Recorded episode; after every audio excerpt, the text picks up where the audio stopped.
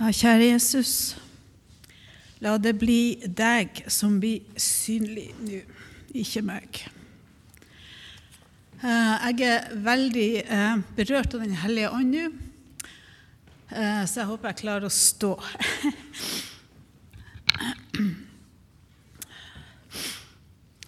Jeg ser skyggene på jorda foran meg og vet at bak meg står en mur av menn fulle av forakt. De venter på et svar fra deg, en dom som vil gi klarsignal til at de kan kaste steinene de klemmer under hvite knoker. Jeg har begått ei synd, ikke alene, men jeg er den som har blitt dratt ut etter håret for å straffes. Føttene dine kommer inn i synsfeltet mitt, og du stopper opp like foran meg. Ennå har du ikke sagt et ord. Ikke gitt medhold til at de kan dumpe sin dødelige last over min forsvarsløse kropp. Kanten på kjortelen din kommer til syne, den bølger seg på jorda, og jeg skjønner at du setter deg ned.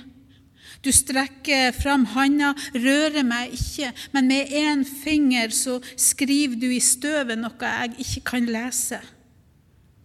Hæren av menn bak meg er i ferd med å bli utålmodig. De har et oppdrag å utføre. Rettferdigheten skal seire. Igjen ber de deg om å si noe. Så hører jeg din stemme.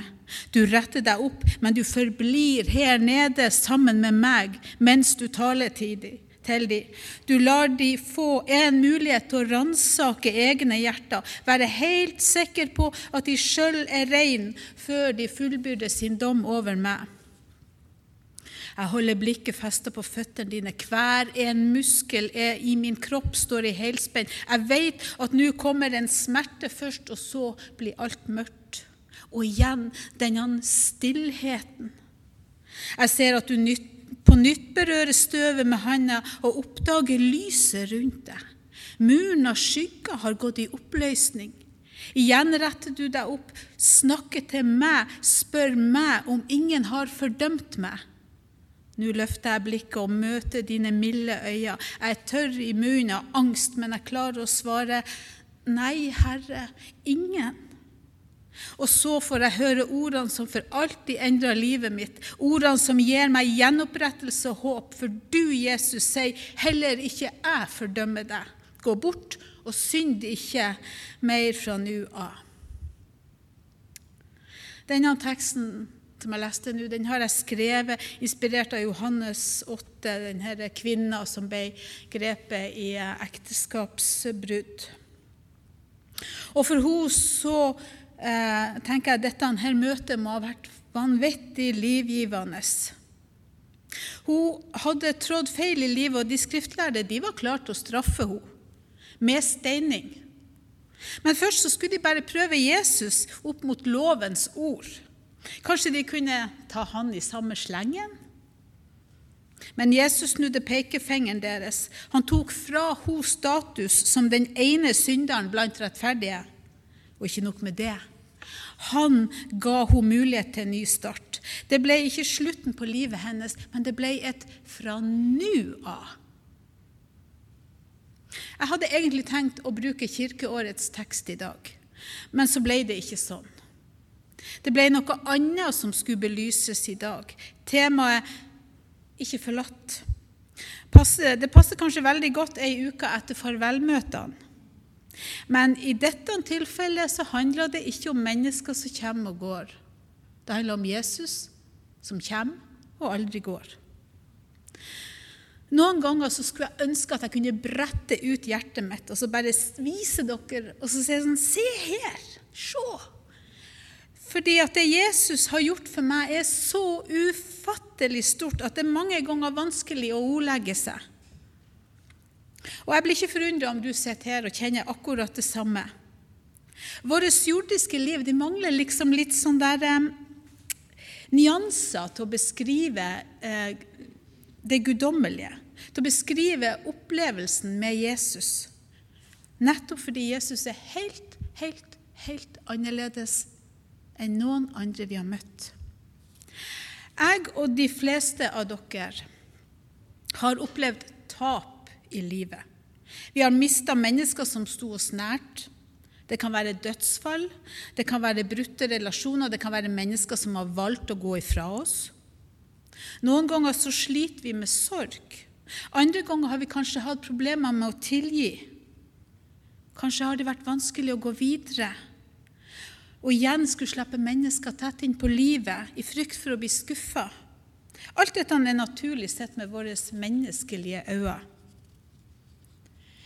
Kjærligheten den, den lar liksom døra stå på gløtt for smerten. Og det er fordi at vi slipper ned skjoldet vi beskytter oss med. Sånn er det også i møte med Jesus. For å kunne ta imot Han, så må vi åpne opp. Vi, vi må vise oss som de sårbare menneskene vi er. Innrømme at 'nei, vet du hva, jeg fikser ikke alt sjøl'. La Han få ta sin plass i livet vårt. Gi Han rom til å virke. Skummelt for moderne, selvstendige mennesker som skal realisere seg sjøl, og som helst skal ha kontrollen sjøl, i hvert fall på gode dager.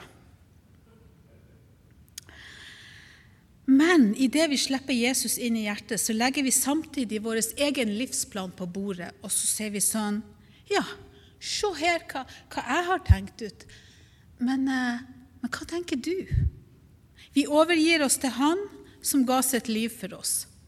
Galaterne 2, 19b-20. Eh, jeg er korsfesta med Kristus. Ja, jeg lever ikke lenger sjøl, men Kristus lever i meg. Det livet jeg nå lever som menneske av kjøtt og blod, det lever jeg i trua på Guds sønn som elsker meg og ga seg sjøl for meg. Ja, Kanskje syns noen at det er litt tøffe vers, men egentlig så er de befriende. For er vi døde fra noe, så er forbindelsen kutta. Mørket har ikke krav på oss. Mørket har ikke krav på oss. Og det nydelige er at jeg trenger ikke lenger å hevde min rett. Jeg trenger ikke å kjempe for anerkjennelse eller makt i denne verden. Det holder å leve leve i trua på Han som elsker deg og meg så høyt at han ofra seg. Det betyr ikke at vi ikke kjenner på trøkket. Men da skal vi huske på at Jesus vet hva dette her dreier seg om. Han er ikke en perifer Gud, men en som har kjent det jordiske støvet under sine egne føtter. Han forstår seg på forholdene vi lever under, fordi han sjøl i en periode levde under disse forholdene. Han er kjent med smerte, frykt, fristelse og sorg, og han har hjelpa og styrken vi trenger for dagen. Bare hør hva Hebreerne 4, 15-16 sier. For vi har ikke en øverste prest som ikke kan lide med oss i vår svakhet, men en som er prøvd i alt på samme måte som vi, men uten synd. La oss derfor frimodig tre fram for nådens trone, så vi kan finne barmhjertighet og finne nåde som gir hjelp i rette tid. Jesus går i forbønn for oss. Ved Faderens høyre hånd. Det er stor trøst i Paulus ord i Romerne 8. Kristus Jesus døde, ja, mer enn det. Han sto opp og sitter ved Guds høyre hånd, og han går i forbønn for oss. Hvem kan skille oss fra Kristi kjærlighet? Nød, angst, forfølgelse, sult, nakenhet, fare eller sverd? Og litt lenger ned så får vi konklusjonen. For jeg er viss på at verken død eller livet, verken engler eller krefter, verken det som nå er eller det som kommer, eller noe makt, verken det som er i det høye eller i det dype, eller noen annen skapning, skal kunne skille oss fra Guds kjærlighet i Kristus Jesus, vår Herre. Nå kommer et vitnesbyrd. For da jeg begynte å forberede denne talen her, hva jeg skulle si i dag, så dukka det opp en hendelse fra 25 år tilbake. sånn cirka. Og Først tenkte jeg at neimen, i alle dager, dette passer ikke inn. Jeg kan ikke ha dette med på søndag. Men jeg fikk ikke fred. Og det skulle med. Og etter hvert så ga det en slags mening. Dette hendte en kveld på Fauske togstasjon, som er nesten endepunktet for Nordlandsbanen. Sønnen min Gabriel og jeg sto og venta på nattoget til Trondheim. At det skulle rulle inn på perrongen. Vi skulle sørover. Mens vi står der, så kommer det ei dame bort til meg. Vilt fremmed dame. Og så sier hun sånn Kjenner du ei som heter Margit Andreassen? Ja, sa jeg, det er jo mora mi, det, men hun døde for mange år siden. Og så sier hun sånn Jeg ser det, for du er så lik henne. Og nå kommer det. Jeg er jordmora som tok imot deg da du ble født.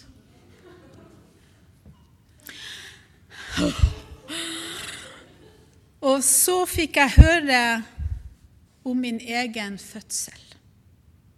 Fra hun som var den første jeg så da jeg ble født. Hva tror dere jeg følte etter denne samtalen? Jo, jeg følte meg sett. Ikke bare av jordmora, men jeg følte meg sett av Gud.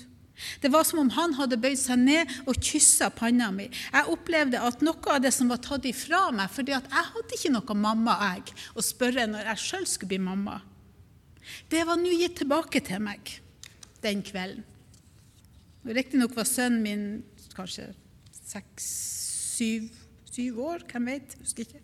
Men i alle fall, jeg fikk et blikk inn i noe. Gud bøyde seg ned. Og Kanskje kunne du ha fortalt om noe lignende, spesiell episode i ditt liv som bekrefter det du tror på. En berøring av Den hellige ånd. En kjærlighetshandling som du bare skjønner må komme fra Jesus. Et kyss fra himmelen. Vi trenger å leve i denne nærheten. Holde oss nær til Gud, for da skal Han holde seg nær til oss. Det står det i Jakobs brev. Vi trenger å være våken og varm, så vi ikke blir lurt på avveie.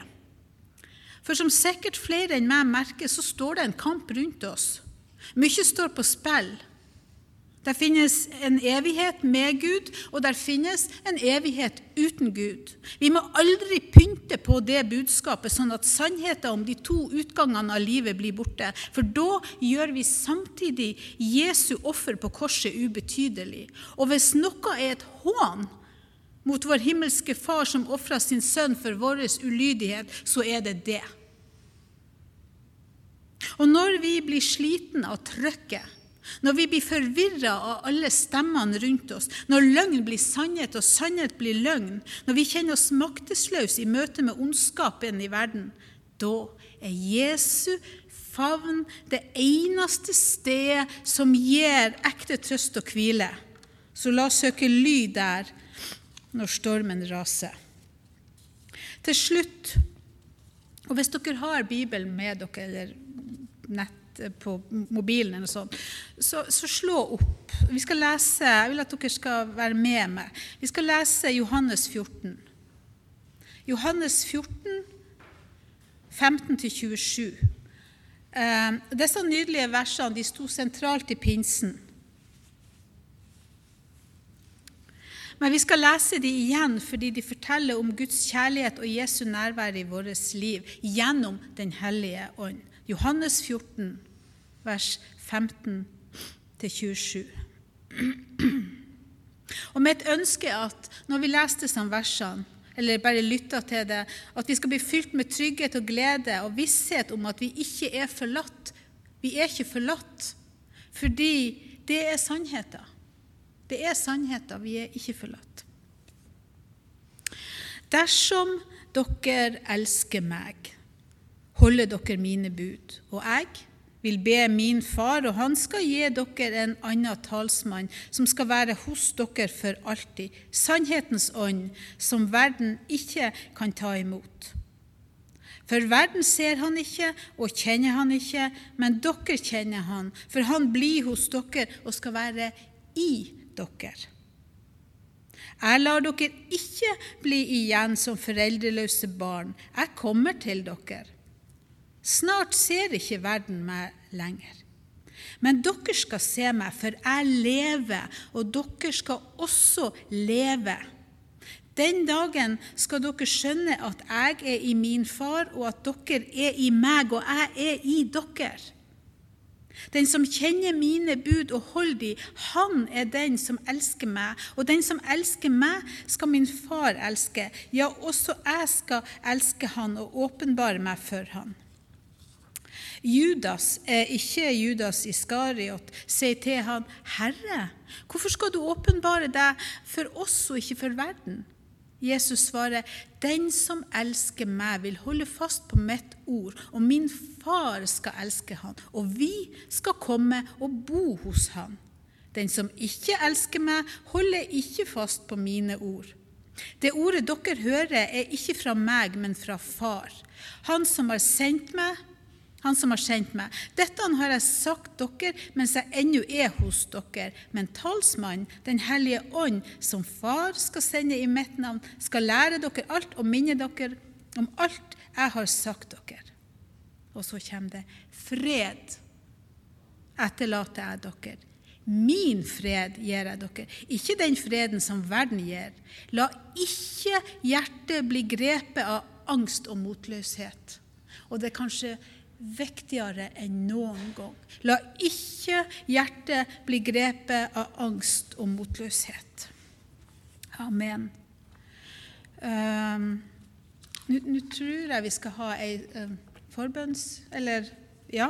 Um, jeg har bare lyst til å si det at Jesus, vi, vi, Den hellige ånd, er her. Og, og selv om vi ikke hadde merka at han var her, så er han her. Men, men, jeg tror mange av oss merker hans nærvær.